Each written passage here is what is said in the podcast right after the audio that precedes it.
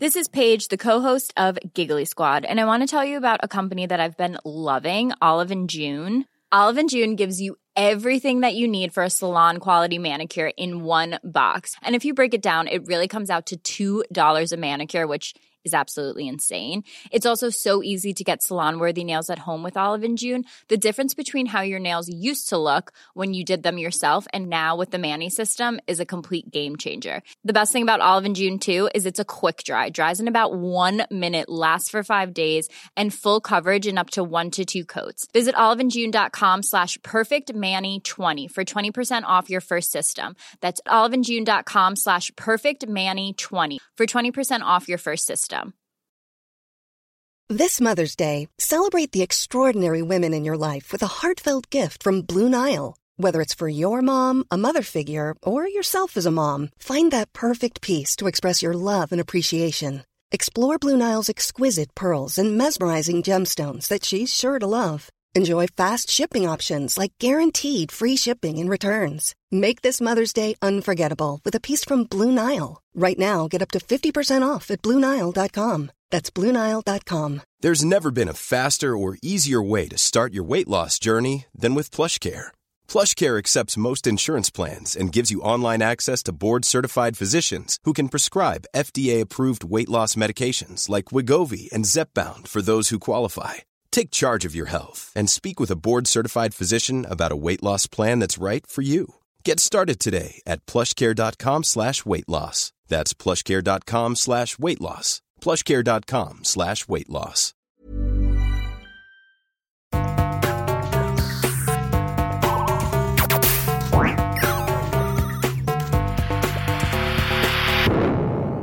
Velkommen til Sinnsyn. Jeg heter Sondre Risom Livre, er psykolog, og dette er Webpsykologens podkast. Hverdagspsykologi for fagfolk og folk flest.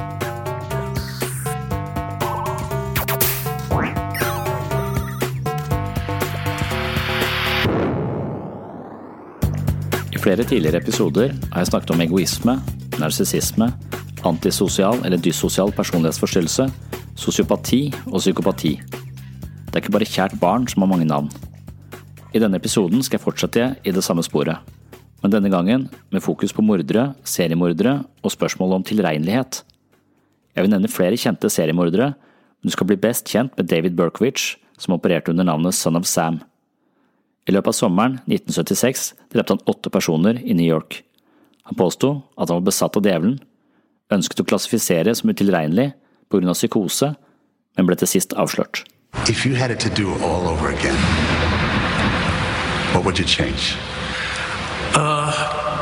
Th- those terrible things that happened would have never happened. That was just a, a, a break from reality and thought I was doing something to uh, appease the devil. I'm, I'm sorry for it, but I, I really don't want to talk about it Appease the devil?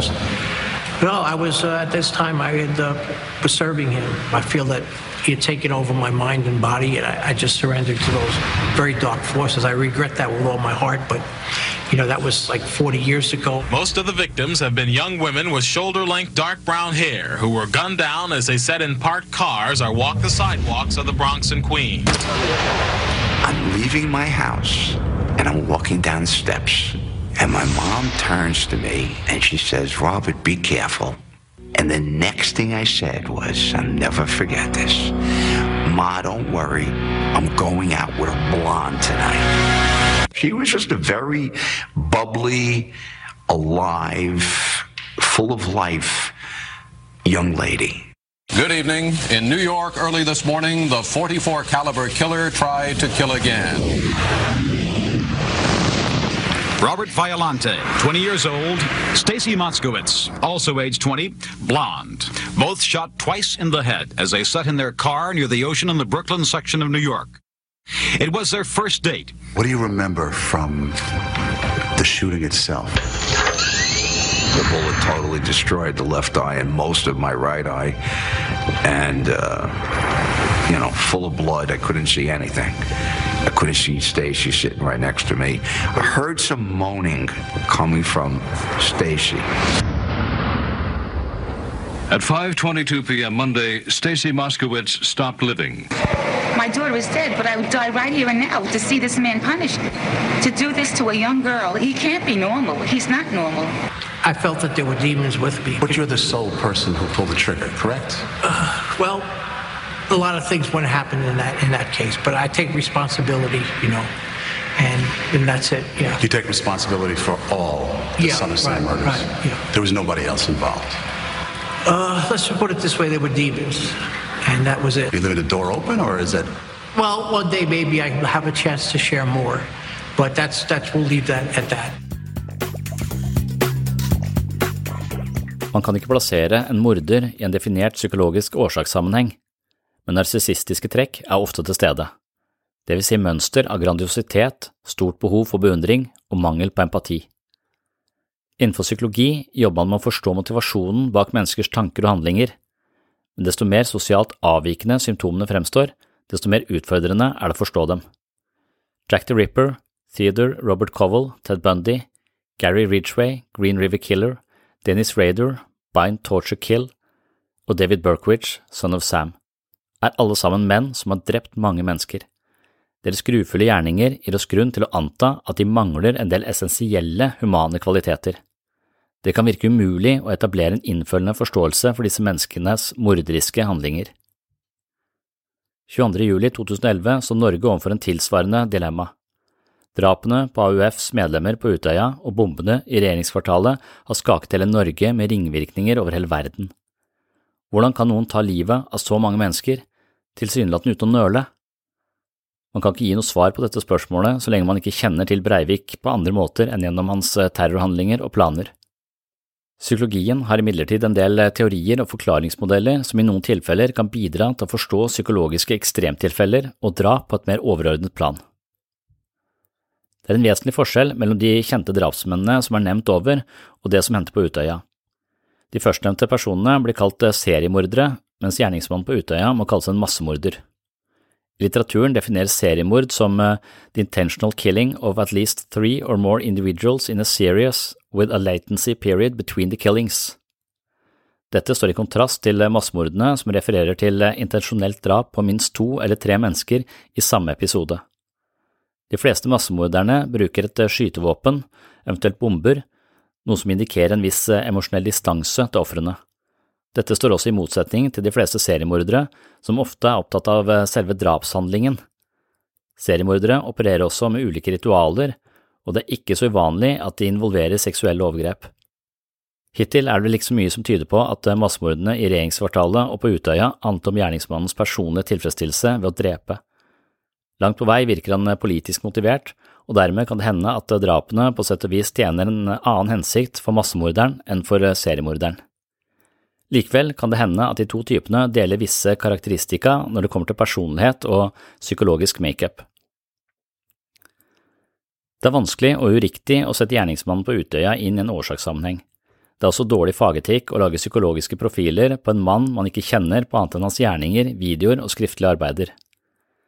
Det er de sakkyndige psykologene eller psykiaterne som skal stå for det. Men likevel mener vi at det er viktig å se litt mer generelt på de ekstreme fenomenene som får mennesker til å ta liv.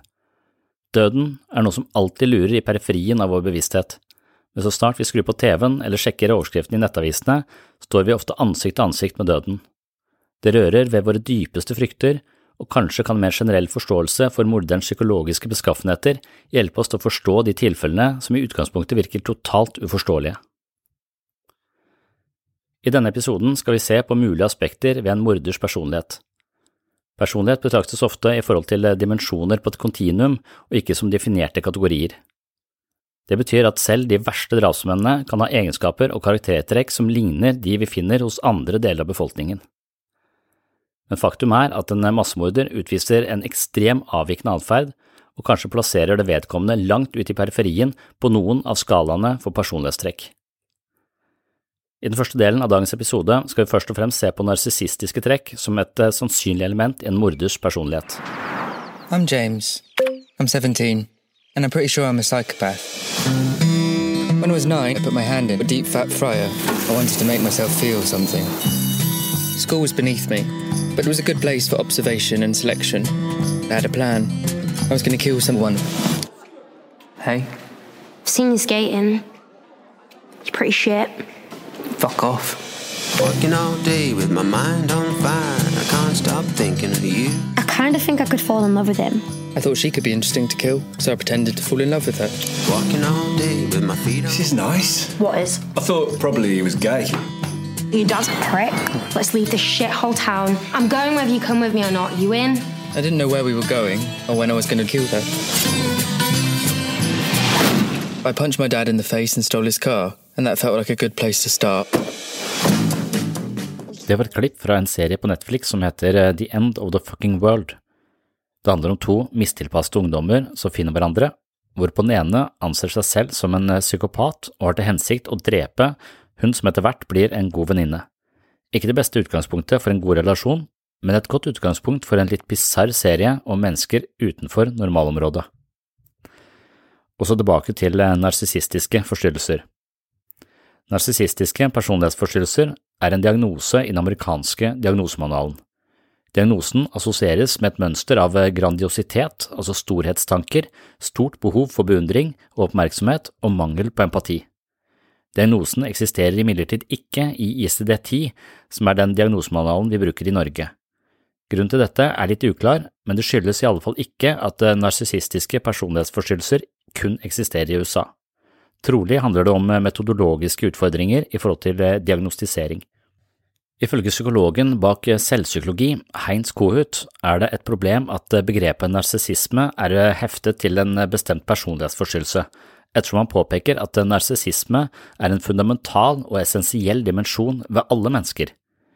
Narsissistisk patologi oppstår når selvet ikke klarer å utvikle seg på en moden måte, noe som betyr at personen fortsetter å ha overdrevne behov for berømmelse og oppmerksomhet fra andre også i voksen alder. Det innebærer at personen ikke har lært å berømme seg selv på en tilfredsstillende måte. Kanskje kan man si at den kjærligheten man får fra sine omgivelser og sine omsorgspersoner, legger grunnlaget for vår utvikling som mennesker. Kjærligheten og oppmerksomheten fra omsorgspersoner blir gjennom oppveksten omdannet til kjærlighet for oss selv. I en sunn utvikling erverver vi evnen til å like oss selv eller gi oss selv anerkjennelse for den vi er og det vi gjør, og dermed er vi på sett og vis mer selvforsynte. Vi er ikke avhengig av andres oppmerksomhet og berømmelse for å føle oss verdifulle eller oppleve at vi har en betydning og rent faktisk eksisterer. Narsissisten trenger altså andres bekreftelse og bruker mye energi på å bli sett, lagt merke til, føle seg stor, mektig og beundret, eller fryktet. Sistnevnte kan også gi en følelse av overlegenhet, noe narsissisten trenger for å bekrefte sin eksistensberettigelse og egenverdi. Når det er snakk om ekstreme gjerninger som seriemord eller massemord og terrorhandlinger, kan man fristes til å snakke om antisosial personlighet eller psykopati, men Kout nevner ikke disse begrepene i sitt teoretiske rammeverk. Han refererer isteden til antisosial atferd som narsissistisk. Otto Kørnberg er en annen kjent teoretiker som har vært opptatt av narsissistisk patologi, og han presiserer også at narsissistiske personlighetstrekk må forstås som mer eller mindre eller grader på et kontinuum. Dermed rangerer han narsissistisk alvorlighetsgrad på et spektrum som går fra narsissistisk personlighetsforstyrrelse, malign narsissisme til antisosial personlighetsforstyrrelse, hvorav den sistnevnte er den mest alvorlige. Når det handler om mennesker som planmessig dreper, med innslag av se hvor stor og mektig jeg er, kan det være nærliggende å vurdere narsissistiske personlighetstrekk. Det er ikke dermed sagt at alle som dreper har sterke narsissistiske tilbøyeligheter. Drap foregår også med andre motiver og psykologiske beveggrunner. Eileen Warnos er en av historiens mest kjente kvinnelige seriemordere, men når man ser filmen om henne, som heter Monster, kan man lett få sympati med denne kvinnens morderiske atferd. Man kan i alle fall forstå hvorfor hun dreper, og det gjør det langt mer menneskelig enn den iskalde typen som dreper eh, Hannibal Lecter-style. When I was little, I had a lot of dreams. And I was always secretly looking for who was going to discover me. Was it this guy? Or maybe this one? You never knew. I lived that way for a long, long time, dreaming like that. But one day it just stopped. I'm kind of broke right now, so I'm just trying to make make some cash somehow. Well, maybe I can help you out. By the time I met Selby Wall, all I wanted was a beer. Can I buy you that drink? I got my own money. I'm just trying to talk to someone. Do you want to stay with me? Who was that person? She's just a friend I made. I think she was a street person. Hey, lady love, you need a ride? Can I ask you a question? Are you a prostitute? Hey, man, don't go too far. I just want a little privacy. 30 straight up. Girls, you know, I love them and I hate them. Where'd you get this car? I just borrowed it. Life is funny. It's also strange how things can be so different than you think. Are you okay? I got everything going for me. I'm not a bad person. I'm a real good person. Police urge anyone with any information about these crimes to contact your local authorities. Lee killed that man. What do you think? You're never gonna understand it, so you gotta trust me. I got it under control, man. She's all screwed up. I was raped and Beaton was gonna get killed. You can't kill people. Says who? He knew. No. Tell me. This is your deal. They're coming for us. They got nothing. They're not even looking. There's a whole world of people killing and raping, but I am the only one killing them. People like me and you go down every day. The thing no one ever realized about me was that I could train myself into anything. Narsissisten kjenner man igjen hos mennesker med grandiose trekk. I tillegg foreligger det stor grad av selvsentrering, ofte kombinert med en mangel på innfølende interesse for andre. Narsissisten lever på en bølge av storhetstanker. De er ofte opptatt av utseende og makt, men på en motsetningsfull måte er storhetsvanviddet som regel forbundet med en dyp lengsel etter beundring og bekreftelse fra andre. Mennesker med sterke narsissistiske trekk har ofte problemer med å inngå i avhengighetsforhold, og de mangler i visse henseende evnen til å oppleve dype følelser av sorg og melankoli. Utadtil kan de tidvis opptre som skuffede og bedrøvede, spesielt dersom de blir forlatt eller krenket på noen måte, men de sørmodige følelsene er som regel overfladiske og skjuler langt sterkere følelser av raseri eller fantasier om hat og hevn. Misunnelse er også et fremtredende element hos narsissisten. Ofte opplever de en sterk misunnelse mot mennesker som har noe de beundrer. Her reagerer ofte narsissisten ved å idealisere den andre, og på den måten få kontroll eller nærhet til det den andre har. I andre tilfeller kan narsissisten devaluere og miskjenne den andre for å utjevne den påtrengende misunnelsen. Narsissistiske trekk assosieres ofte med emosjonell ustabilitet og primitive forsvarsmekanismer sentrert rundt splitting. Splitting som psykisk forsvar avstedkommer en slags emosjonell sort-hvitt-opplevelse av seg selv og verden, noe som forhindrer mer nyanserte og realistiske oppfattelser. Omnipotens er også en forsvarsmekanisme assosiert med narsissisme, og det henspiller på en tendens til å dempe emosjonelle konflikter, misunnelse og mindreverdighetsfølelse ved å agere overlegent overfor andre. De setter seg høyere, tilstreber et godt utseende, kan trene opp store muskler for å virke sterkere eller eie statussymboler for å heve seg over allmennheten. I ekstreme tilfeller, som med massemord, kan slike mekanismer spille inn i den forstand at drapsmannen opphøyer seg selv til dommer over liv og død. Blander man slike psykiske tilbøyeligheter med dogmatisk tankegods, kan resultatet bli messiasaktige forestillinger. I drapsmannens hode kan de mest grufulle gjerninger tilsynelatende legitimeres i en eller annen ideologi forsterket av morderens oppfattelse av sin egen suverenitet. Den narsissistiske personligheten skiller seg imidlertid en del fra den emosjonelt ustabile personligheten på vesentlige punkter. Ofte har narsissisten bedre impulskontroll, noe som gjør at de i større grad evner å opptre mer adekvat i sosiale sammenhenger. Det er heller ikke så sjeldent at de besitter spesielle evner eller begavelser, noe som ofte gjør at de kommer seg høyt opp i samfunnet og erobrer posisjoner med høy status. På den måten blir den narsissistiske problematikken skjult bak karriere eller sosial posisjon. Bak fasaden er det imidlertid sannsynlig at det skjuler seg paranoide ideer, frykt og hensynsløse tilbøyeligheter som kommer frem dersom personen føler seg trua. Ellers er det vanlig at narsissistisk patologi gir personen en indre følelse av tomhet. Denne tomheten forsøker vedkommende å fylle med betydning, og betydning handler her om berømmelse fra andre. Noen narsissistiske personligheter forsøker å fylle denne tomheten og tilegne seg makt, og på den måten inngå relasjoner hvor de har kontroll og innflytelse, eller de kan fylle tomrommet med seksuelle utskeielser med ulike partnere og dermed føle seg viktig i akten. Problemet er at de fleste forsøk på å stange den dype tristesse kun har midlertidig effekt. Tomheten vender alltid tilbake. Psykoanalysen har ofte beskrevet narsissisten som et rasende barn som kjemper mot en følelse av verdiløshet og angst for å bli angrepet. De paranoide tendensene, som for eksempel noen er ute etter å ta meg, utnytte meg eller invadere meg og mitt, kan kanskje forstås på bakgrunn av dette. Innenfor en psykoanalytisk referanseramme antas det også at det voldsomme raseriet legger beslag på alle følelser, slik at den emosjonelle melodien som skal akkompagnere et sunt liv, uteblir og resultatet er en følelse av tomhet. People look at you today, 20 years later, and they still have no idea what you're about. Tell me in a sentence who you are.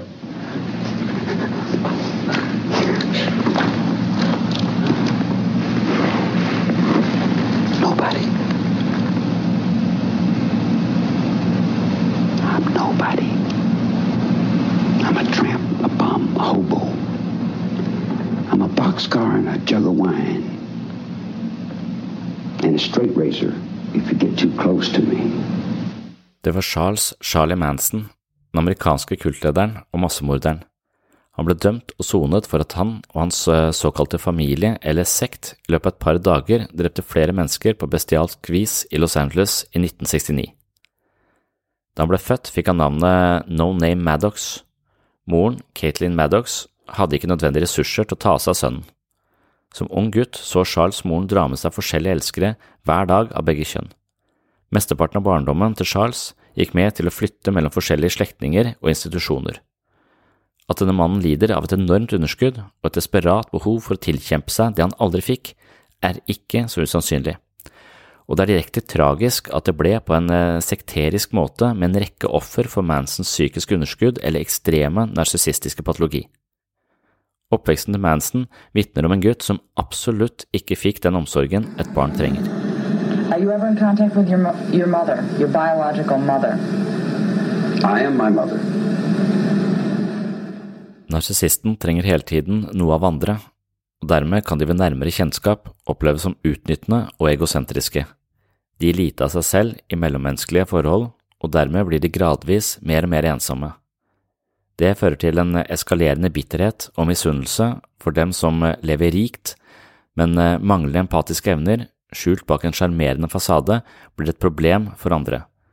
De vender seg vekk, og desperasjonen hos den narsissistiske personen øker i takt med frykt og eventuelt urealistiske forestillinger om sin egen betydning for å dempe følelsen av mindreverd. Mange av dem ender opp ensomme, men enkelte har andre personlighetstrekk som gjør at de kan eh, ende opp som farlige kultledere, og her er kanskje Charles Manson det mest eh, kjente eksempelet. I boken The Moral Landscape fra 2011 drøfter Sam Harris eh, psykopati, antisosiale personligheter og narsissistiske trekk, og han nevner at det kun finnes noen hundre tusen kaldblodige mordere på verdensbasis, men at 1 av verdens befolkning har sterke narsissistiske trekk og sterke antisosiale trekk. Disse menneskene har sannsynligvis en del av de egenskapene jeg har drøftet her, men de lever på rett side av loven.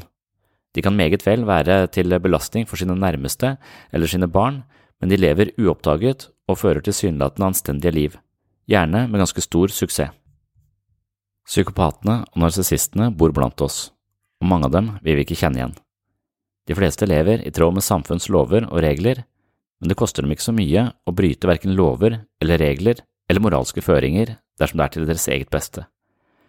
Et lite utvalg av denne gruppen har likevel handlet på sine egosentriske trekk, og noen av dem hadde i tillegg både bestialske og sadistiske tilbøyeligheter som kulminerte i fryktelige gjerninger. Vi kaller det gjerne for ondskap når vi er vitne til handlinger som strider imot våre menneskelige natur og spotter våre moralske og etiske kompass. How is it that good people, like any of us, any of you at least, could, under certain circumstances, begin to do bad things? So, the Lucifer effect is what I've been thinking about for a long time, actually, since I was a kid, about human transformation. And for me, the, there are a lot of definitions of evil, obviously, since people have been studying it so long. But the psychological definition is evil is the exercise of power.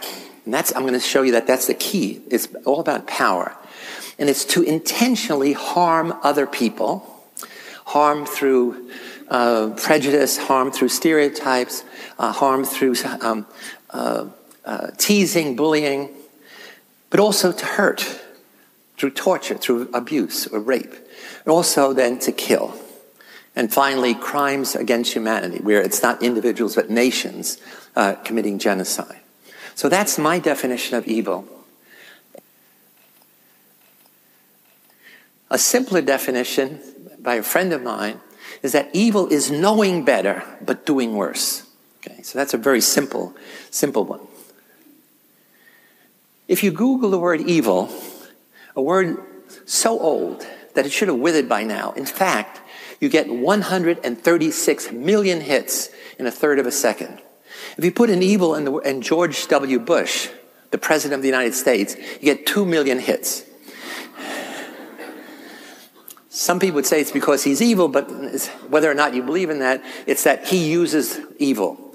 And people use evil because if you point to somebody else's evil, uh, in a sense, that makes you more superior. So he's calling everybody, every other, na- the evil empire, the evil nation, evil dictators.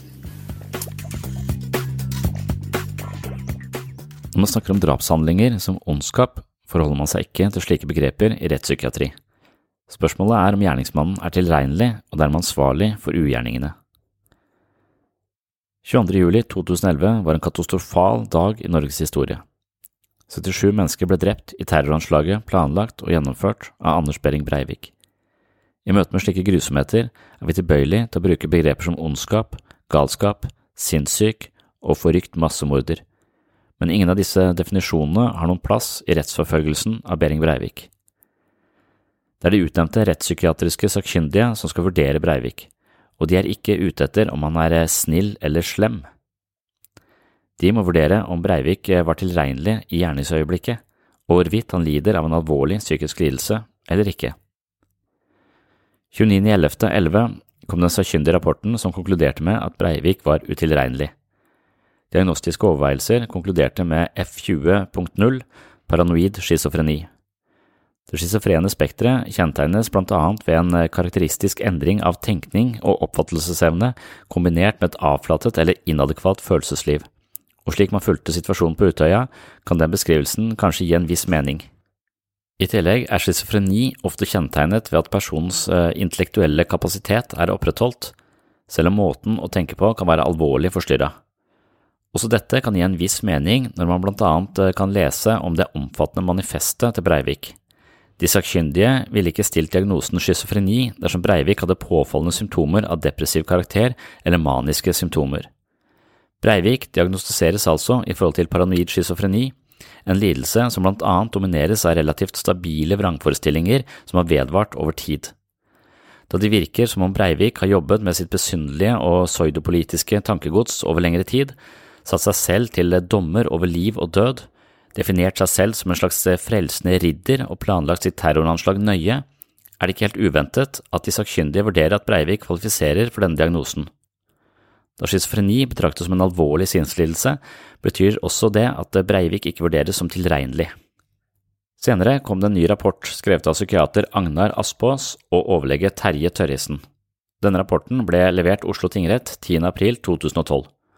Den ga diagnosen dyssosial personlighetsforstyrrelse og narsissistisk personlighetsforstyrrelse, som tilsa strafferettslig tilregnelighet, og Breivik kunne dømmes. Ja, Breivik, da har du hørt statsadvokaten lese opp tiltalen mot deg, og du har hatt tid på forhånd til å sette deg grundig inn i denne. Og da spør jeg deg, erklærer du deg helt eller delvis skyldig i denne tiltalen? Jeg erkjenner handlingene, men ikke straffskyld og jeg påberoper meg nødrett.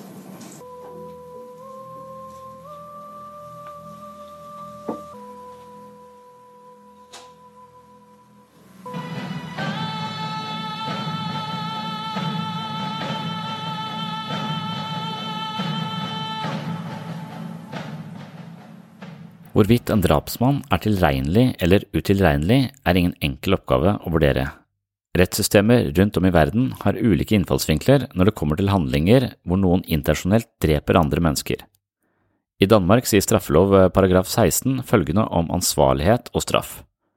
Persons who at the time of the crime was insane, altså utilregnelig, because of mental illness or a condition that must be equated with this, is not punished. Det som her eh, ligger i begrepet utilregnelig, er først og fremst forhold som inkluderer alvorlige hjerneorganiske mentale lidelser som demens eller psykose, enten forårsaket av rusmidler, schizofreni, paranoia eller affektive lidelser. I tråd med dette sier paragraf 44 første ledd i norsk lov at personer som i gjerningsøyeblikket var psykotiske eller bevisstløse, ikke skal straffes.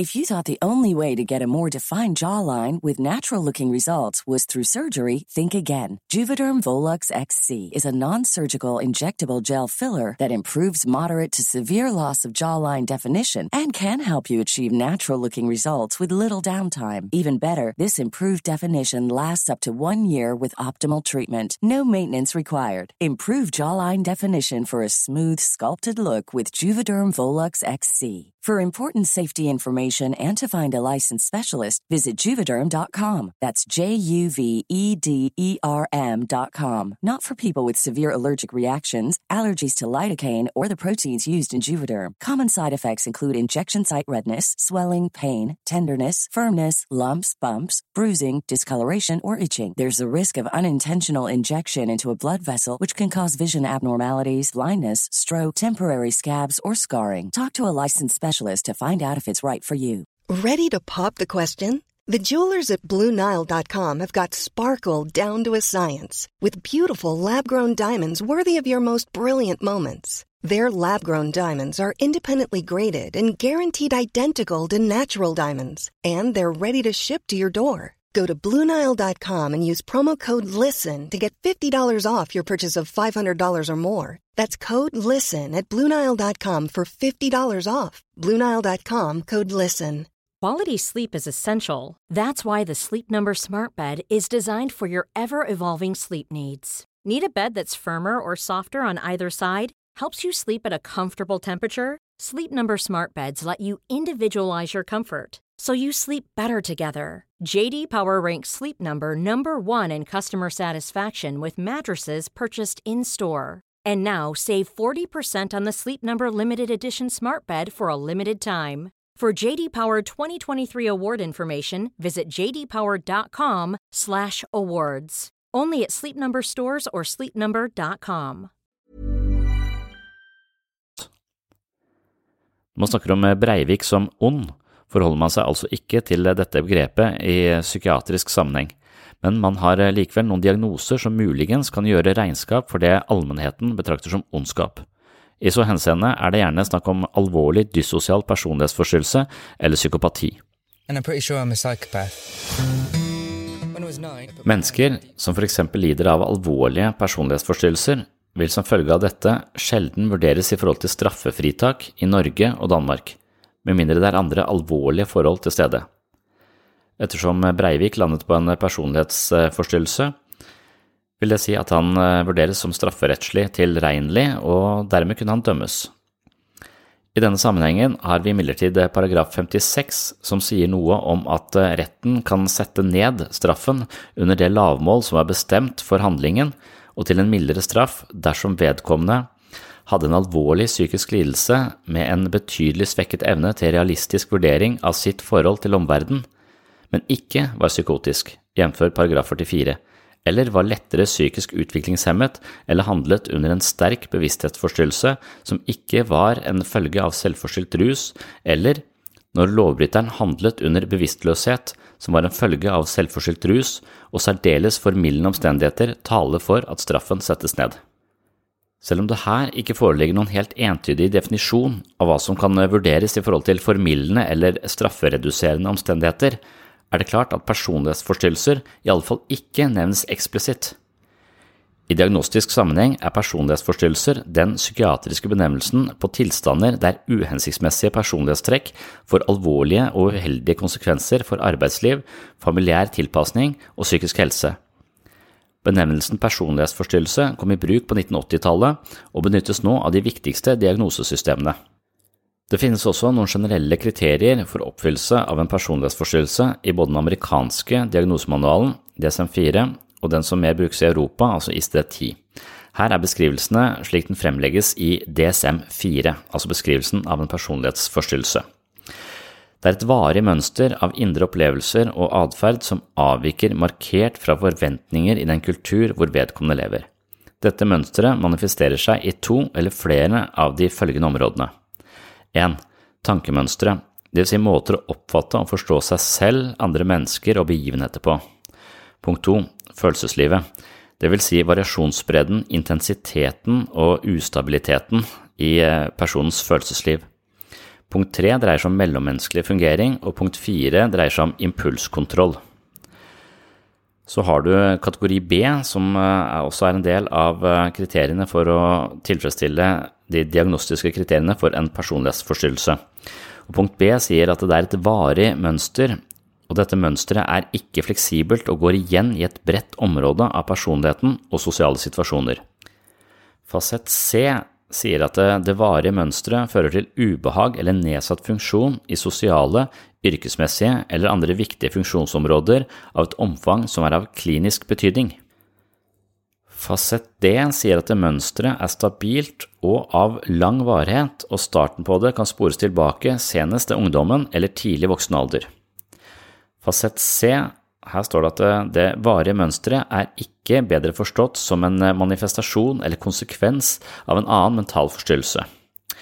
Og F-fasetten sier at det, det varige mønsteret skyldes ikke den direkte fysiologiske effekten av stoff, f.eks. stoffmisbruk eller medisiner, eller en generell medisinsk tilstand, f.eks. hodetraume. I USA er det alminnelig praksis at det ikke kun er tilstedeværelse av psykisk lidelse som avgjør konsekvensene for kriminell atferd, men også gjerningsmannens intensjon og forståelse for sine handlinger. Dermed aksepteres ikke antisosial personlighetsforstyrrelse eller psykopati som argument for utilregnelighet. Selv om personlighetsforstyrrelser regnes som psykisk lidelse, kvalifiserer det ikke for straffefritak på grunn av det som kalles det McNaughton Rules. Dette begrepet er noe som har eksistert i ulike former siden 1843. The McNaughton Rules, og det er mulig jeg uttaler det helt feil, er altså et sett med forskrifter som benyttes både i Storbritannia og USA. Essensen i disse forskriftene er rett og slett at man ikke idømmer straff dersom the defendant did not know the nature and the quality of his actions, or if he did, that he did not know that what he was doing was wrong. Ved personlighetsforstyrrelser har man stort sett en fornemmelse for rett og galt, og dermed vurderes man som ansvarlig for sine handlinger. Som følge av dette vil personlighetsforstyrrelser av antisosial karakter ikke kvalifisere som formildende i forhold til utilregnelighet i gjerningsøyeblikket, verken i Danmark, Norge eller USA. Mennesker har ulike motiver for å drepe, og de bakenforliggende faktorene spiller en rolle i forhold til vurderingen av ansvarlighet og den tilhørende straffutmålingen. Det kan være både bevisst og ubevisste hensikter som eh, dikterer våre gjerninger. Blant annet har vi psykotiske drap, barmhjertighetsdrap, drap i forsvar, drap i forbindelse med innbrudd, drap som hevn, politisk eller ideologisk motiverte drap og seriemord. I rettsvesenet vil man som regel vurdere disse ulike motivene for drap forskjellig med hensyn til straffeutmåling. Seriemord skiller seg ofte ut fordi man antar at gjerningsmannen får en slags personlig tilfredsstillelse av å ta livet av andre. Det kan handle om maktbehov, seksuelle impulser eller andre tilbøyeligheter som gir morderen en personlig behovstilfredsstillelse. I de fleste tilfeller blir seriemordere ikke vurdert som alvorlig psykisk syke med alvorlige forvrengninger av virkelighetsforståelsen, og dermed betraktes de som tilregnelige og ansvarlige for det de har gjort. Et relevant spørsmål i denne sammenhengen er dermed hvilke rettslige konsekvenser seriemord får. I USA får seriemordere ofte dødsstraff. Gary Ridgway drepte minst 49 kvinner, Eileen Wernes, som vi hørte fra tidligere, drepte minst syv menn, og Ted Bundy drepte minst 28 kvinner. De fikk alle sammen dødsstraff. David Berkowitz og eh, Jeffrey Dahmer fikk eh, livstidsdommer. Dahmer drepte minst 15 eh, menn og ble idømt fengsel i 936 år. Det er 37 stater i USA som fremdeles har dødsstraff, noe som indikerer at dødsstraff er en sannsynlig konsekvens for seriemord i USA. I Danmark har man ikke noen tilfeller av drap som kan karakteriseres som seriemord i moderne tid, og derfor er det heller ikke en bestemt lovgivning myntet på den typen handlinger. Av den grunn kan man ikke forutsi straffeutmålingene i forhold til seriemord i Danmark. På lignende måter har man i Norge ikke vært vitne til massedrap av den typen Behring Breivik står ansvarlig for, og dermed står rettsvesenet kanskje overfor noen utfordringer. I Danmark har man imidlertid Peter Lundin, som er en velkjent drapsmann. Han tok livet av sin kone og hennes to sønner.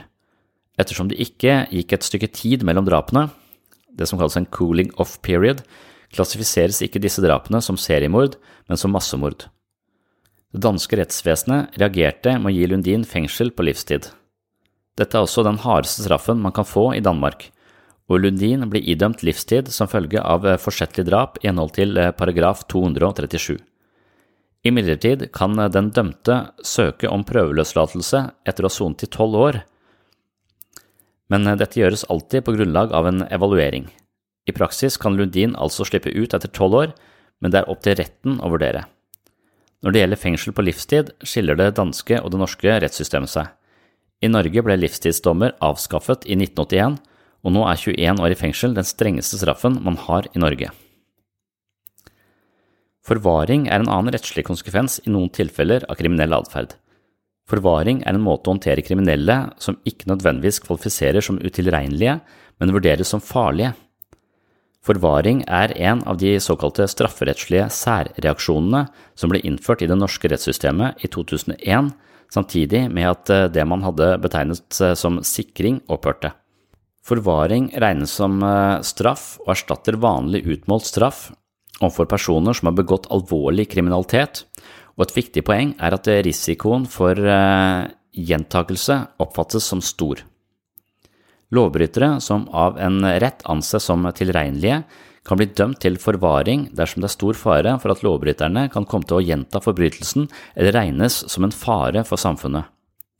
Personer som oppfattes utilregnelige i gjerningsøyeblikket, kan ikke idømmes forvaring, men kan i stedet idømmes tvungent psykisk helsevern eller tvungen omsorg. Denne typen sanksjoner har til hensikt å skjerme samfunnet fra en potensielt farlig lovbryter, og det kan også være snakk om et eh, behandlingstilbud for mennesker i forvaring.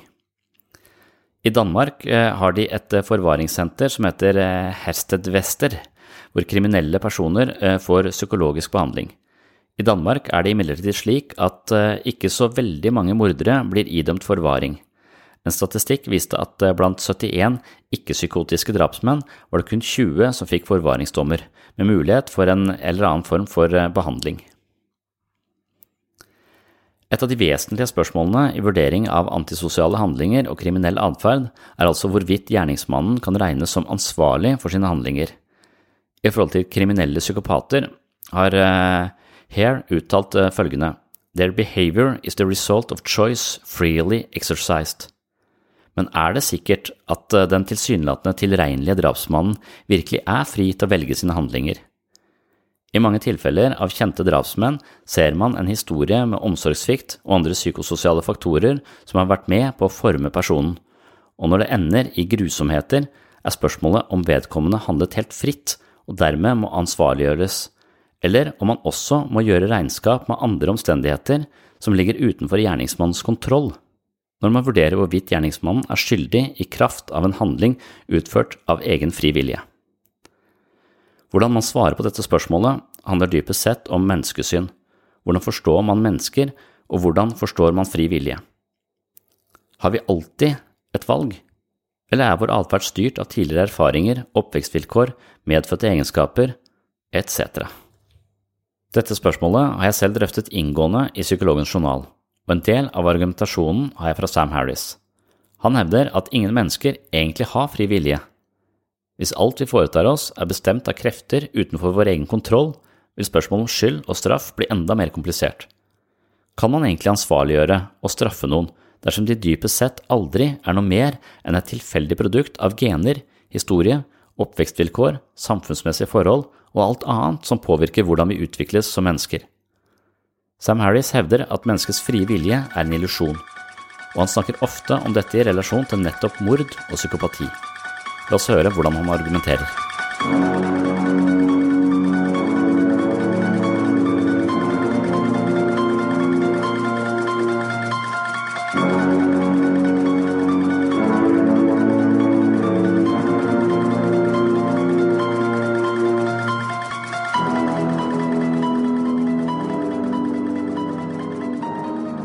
Perhaps we should talk about Charles Whitman here because he really brings home the point. So, this is something that is a case I've written about, many people have written about.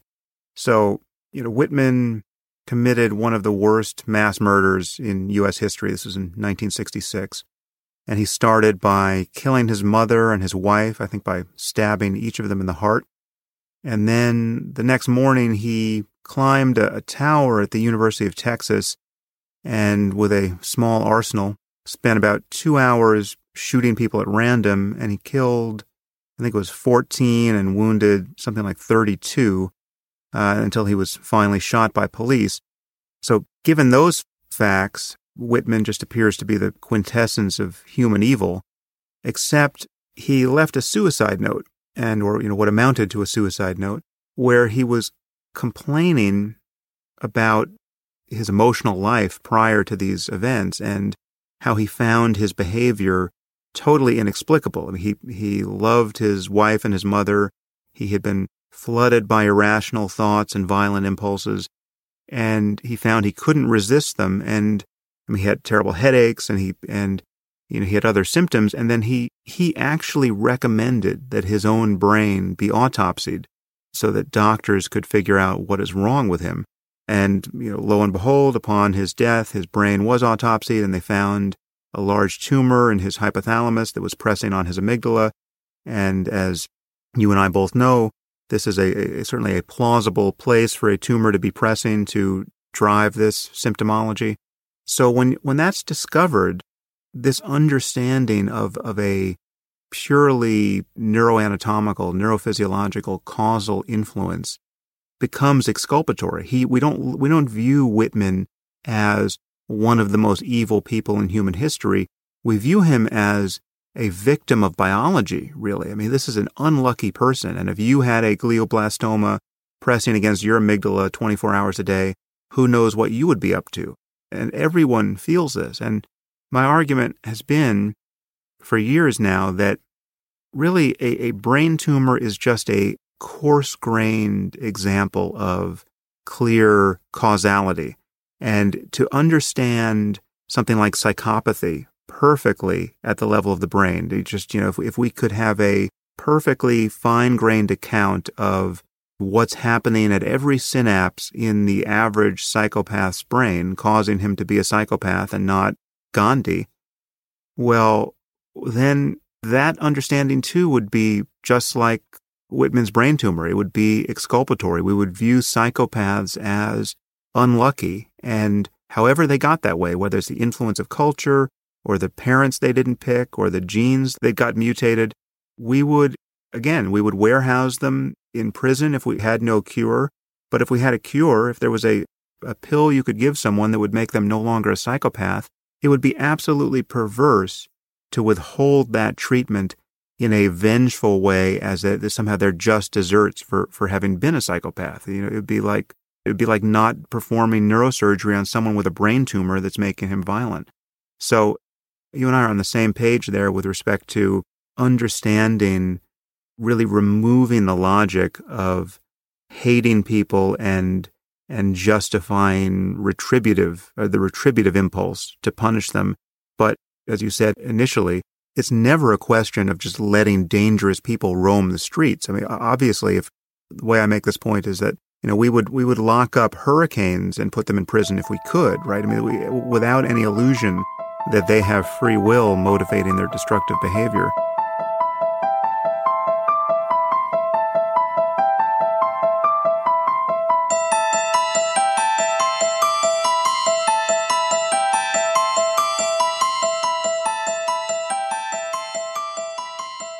Spørsmålet om tilregnelighet i drapssaker er altså særdeles komplisert. Fagfolk spriker i sine vurderinger, og mot slutten av dagens episode skal vi se tilbake på et kjent eksempel hvor Son of Sam står tiltalt for seriemord. Er han strafferettslig tilregnelig? Denne mannen som mente at han fulgte ordre til demoner som snakket til ham via en hund. Vi kan også merke oss at eh, de diagnostiske vurderingene som er gjort i forhold til Anders Behring Breivik, fikk mye oppmerksomhet, og de sakkyndige spriket fra schizofreni til personlighetsforstyrrelse, altså fra utilregnelig og til ansvarlig for sine gjerninger.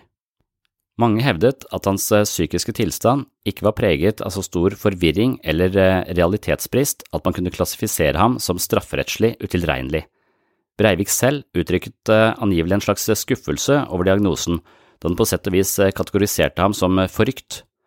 Selv mente han å handle på bakgrunn av en utstudert forståelse av tilværelsen og de farene som truer vårt samfunn både kulturelt og politisk. Mye av kritikken mot psykiatri generelt og kritikken av Breiviks diagnose handler om at man vanskelig kan si noe absolutt når det kommer til menneskets psykologiske landskap. Naturvitenskap vil gjerne ha en strengt objektiv sannhet å forholde seg til, men menneskets syke kan aldri måles etter slike kriterier. Psykologien befinner seg i spenningsfeltet mellom flere forskjellige vitenskaper. Det er elementer av naturvitenskap, samfunnsvitenskap og ikke minst humanvitenskap. Hver vitenskapelig disiplin har forskjellige sannhetskriterier og forskjellige språkspill, og det er kanskje psykologiens største utfordring. Innenfor dette fagfeltet, kall det gjerne psykiatri eller psykisk helsevern, vil det alltid finnes en eh, psykiatri og en antipsykiatri.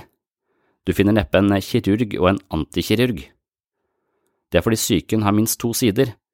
Det er en utside, hjernen, nevrokjemi osv., og, og en innside, opplevelsen av å ha nettopp denne hjernen. Det er en ytre handling og et eh, indre motiv.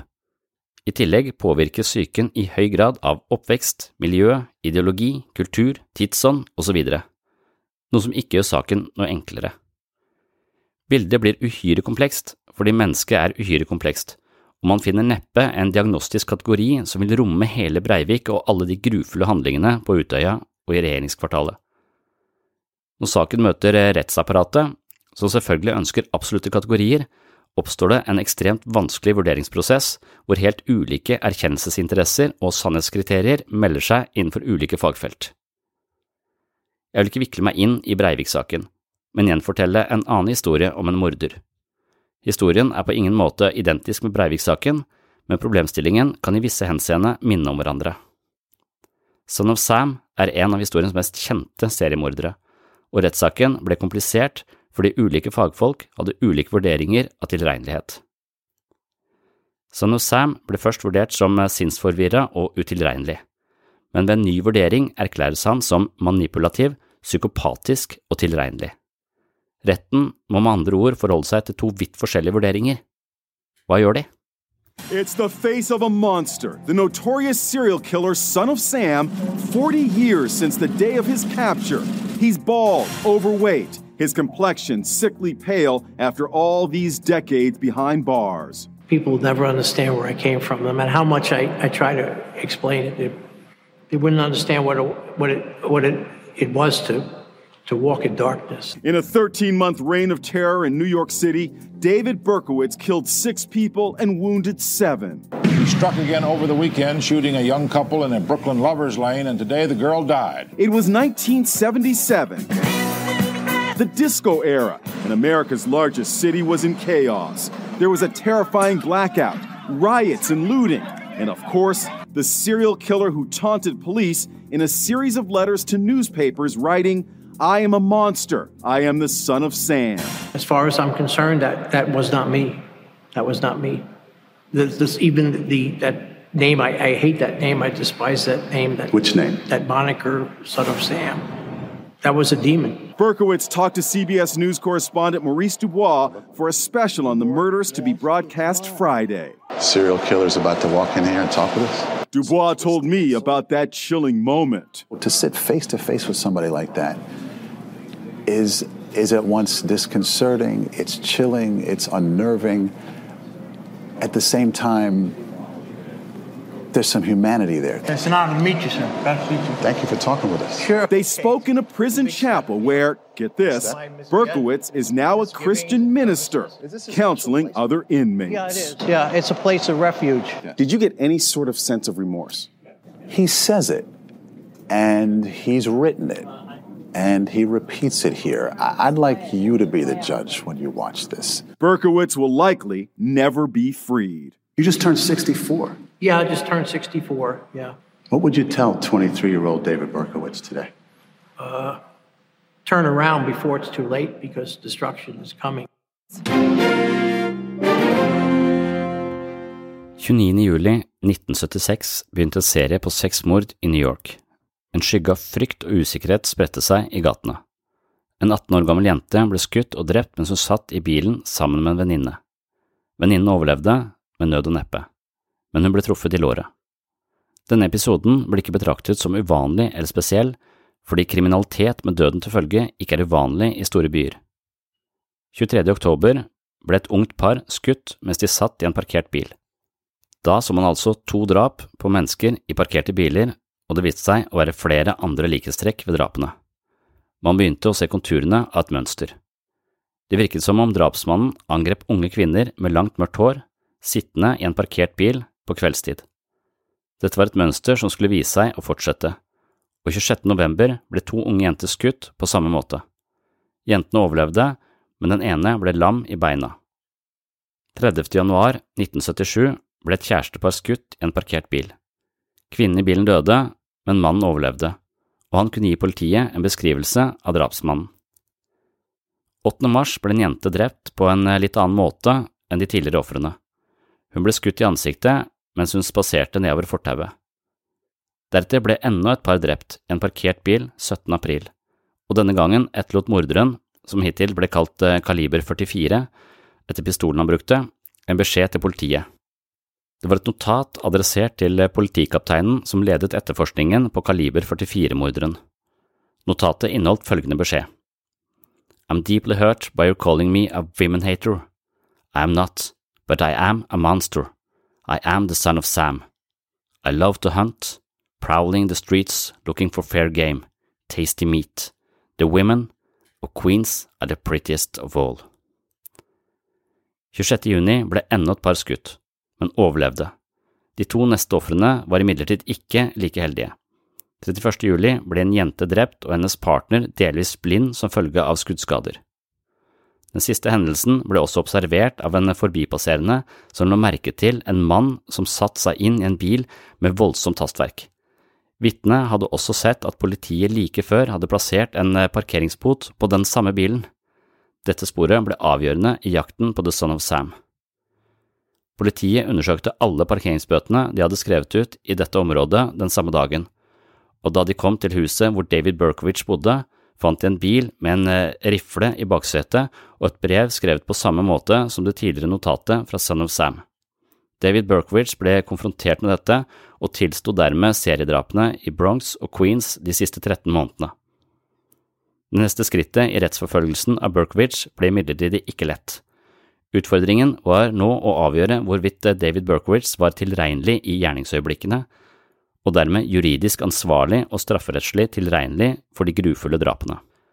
Det første spørsmålet som kom opp i forbindelse med rettssaken, dreide seg om pseudonymet Son of Sam. Hvorfor hadde David Berkowitz valgt akkurat dette navnet? Berkowitz forteller at Sam var navnet på naboen, Sam Carr. Denne naboen hadde en hund som Berkowitz refererte til som Sams sønn, altså Son of Sam. Han legger deretter til at denne hunden var besatt av demoner som hadde kommandert Berkowitz til å begå de forferdelige drapshandlingene.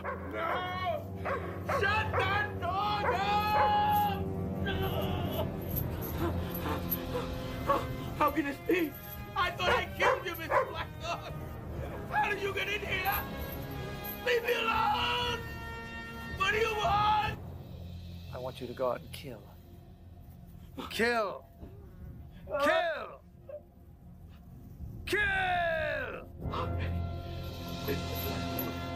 I will kill. I will.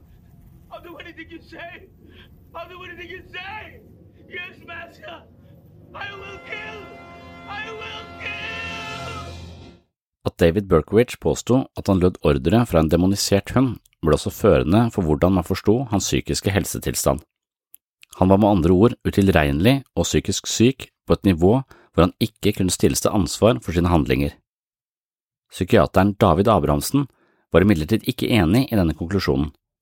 Han ble kontaktet senere i rettssaken og bedt om å foreta en supplerende vurdering og utredning av David Berkowitz' mentale status.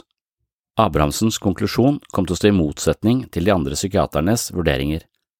Abrahamsen mente at David Berkowitz var tilregnelig at han hadde konstruert fortellingen om den demonbesatte hunden for å unnskylde eller legitimere sine morderiske impulser og tilbøyeligheter.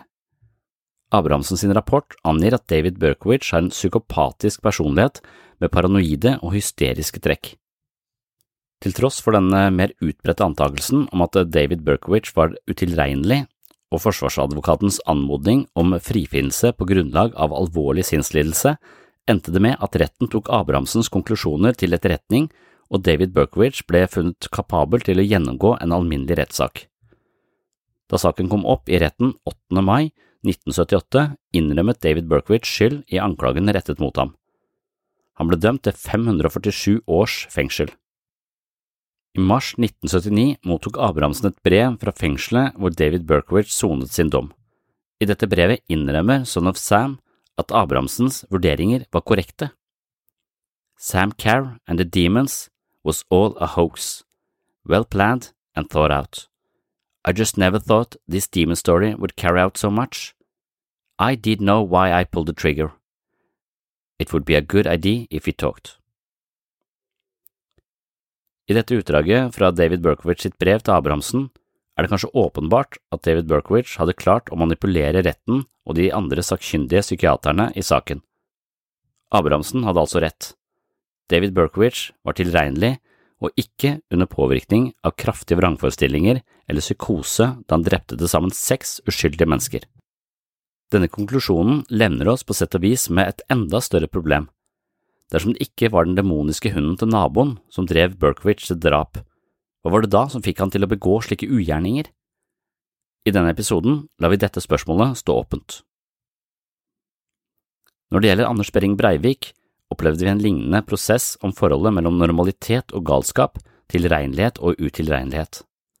I saken med Son of Sam svingte man fra utilregnelig til det motsatte. I vurderingen av Breivik sto fagfolk også på hver sin side av denne kløfta, men til slutt ender de på tilregnelig. I dommen den 24. august 2012 ble Breivik funnet tilregnelig av Oslo tingrett og dømt til 21 års forvaring av en enstemmig rett. Dommen ble ikke anket av Breivik. Den ble heller ikke anket av aktoratet.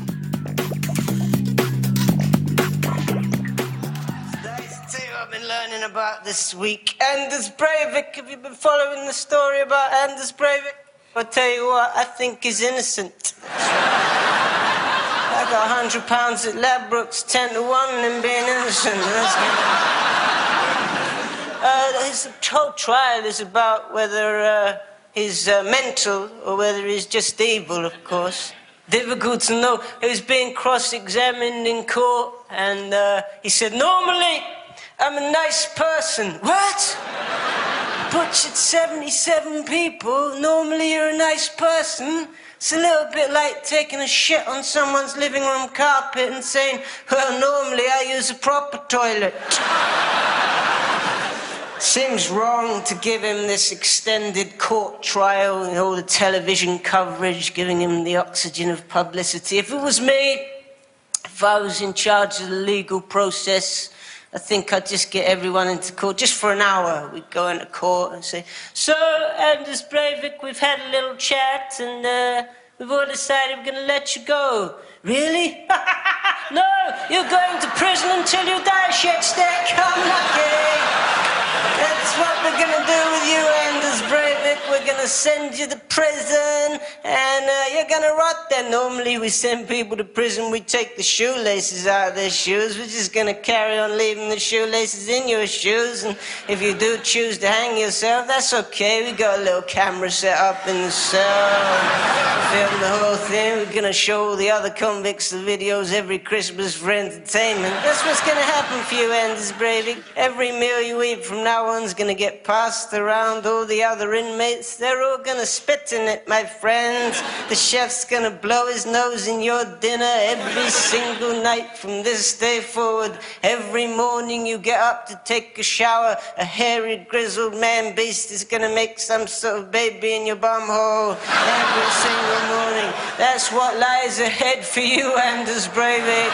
I hope you rot in prison for a hundred years, and eventually your penis falls off, grows legs and teeth, climbs up inside your asshole, proceeds to eat you from the inside out. And when you're on the cusp of death, I hope they fling you in an enormous tank full of all the tears of the victims whose families you've destroyed. I hope they display that tank in an aquarium where people can walk past your pathetic shriveled carcass floating in all the misery you created and laugh at you, my friend, you despicable, appalling, murderous human catastrophe. And then he'd just be led away in handcuffs. As far as I'm concerned, that would be justice served.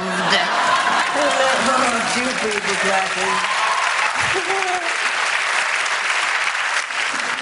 Maybe he just wanted to be famous. Maybe that was all it was. He wanted to get his face in the newspapers. Because there are no famous people in Norway. You know, and um, even in surrounding countries, there are no famous people. The most famous person from that part of the world is Santa. And, like, in some ways, they got things in common, Anders Breivik and Santa. I mean, both a little bit judgmental about kids getting what they deserve. Um,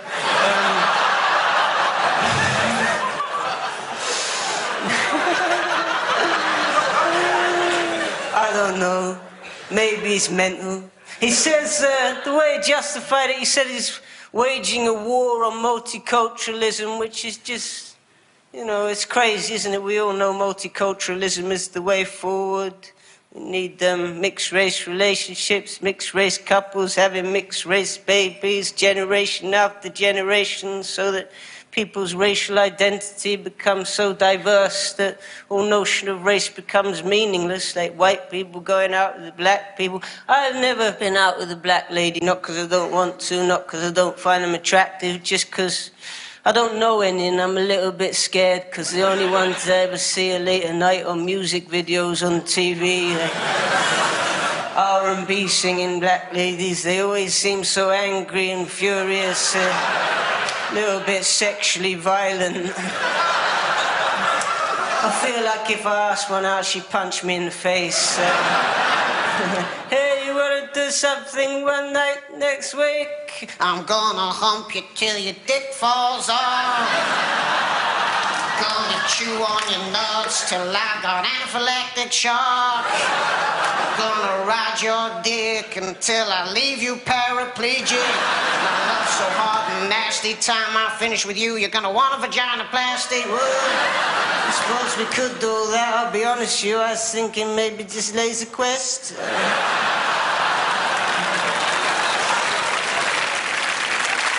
Ladies and gentlemen, concludes the global news for this week. It's been lovely, a privilege and a delight. Thank you.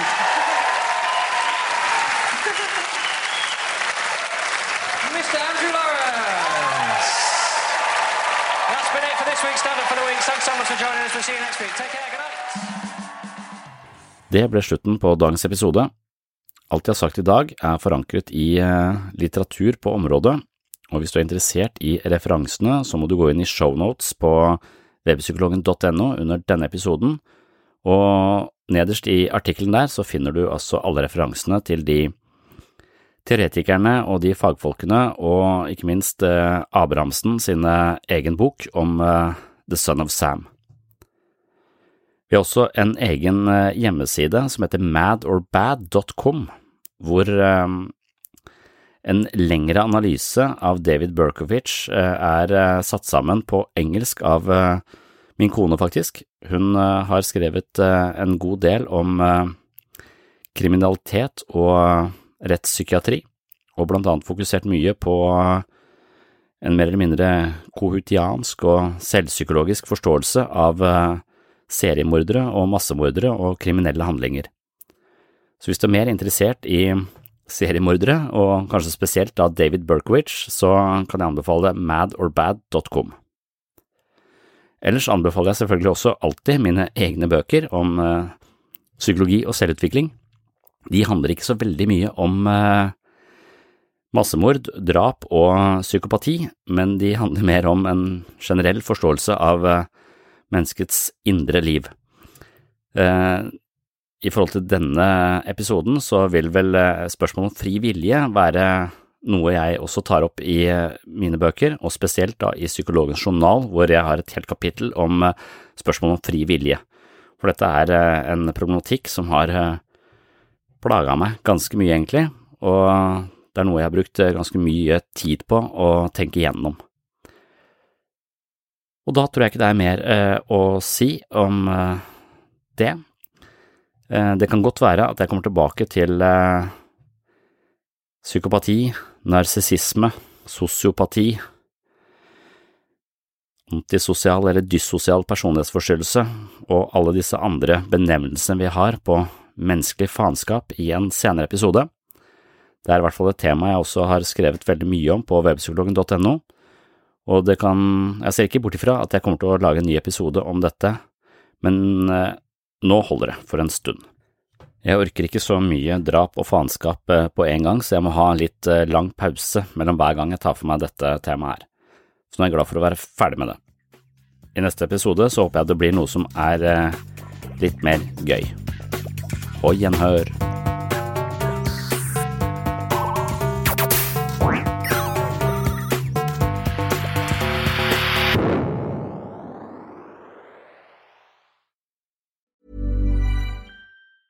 Mom deserves the best, and there's no better place to shop for Mother's Day than Whole Foods Market. They're your destination for unbeatable savings, from premium gifts to show-stopping flowers and irresistible desserts. Start by saving 33% with Prime on all body care and candles. Then get a 15-stem bunch of tulips for just $9.99 each with Prime. Round out Mom's menu with festive rosé, irresistible berry chantilly cake, and more special treats. Come celebrate Mother's Day at Whole Foods Market. Planning for your next trip? Elevate your travel style with Quince. Quince has all the jet setting essentials you'll want for your next getaway, like European linen, premium luggage options, buttery soft Italian leather bags, and so much more. And it's all priced at 50 to 80% less than similar brands. Plus, Quince only works with factories that use safe and ethical manufacturing practices. Pack your bags with high-quality essentials you'll be wearing for vacations to come with Quince. Go to quince.com slash trip for free shipping and 365-day returns. Mom deserves the best, and there's no better place to shop for Mother's Day than Whole Foods Market. They're your destination for unbeatable savings, from premium gifts to show-stopping flowers and irresistible desserts. Start by saving 33% with Prime on all body care and candles. Then get a 15-stem bunch of tulips for just $9.99 each with Prime. Round out Mom's menu with festive rosé, irresistible berry chantilly cake, and more special treats. Come celebrate Mother's Day at Whole Foods Market.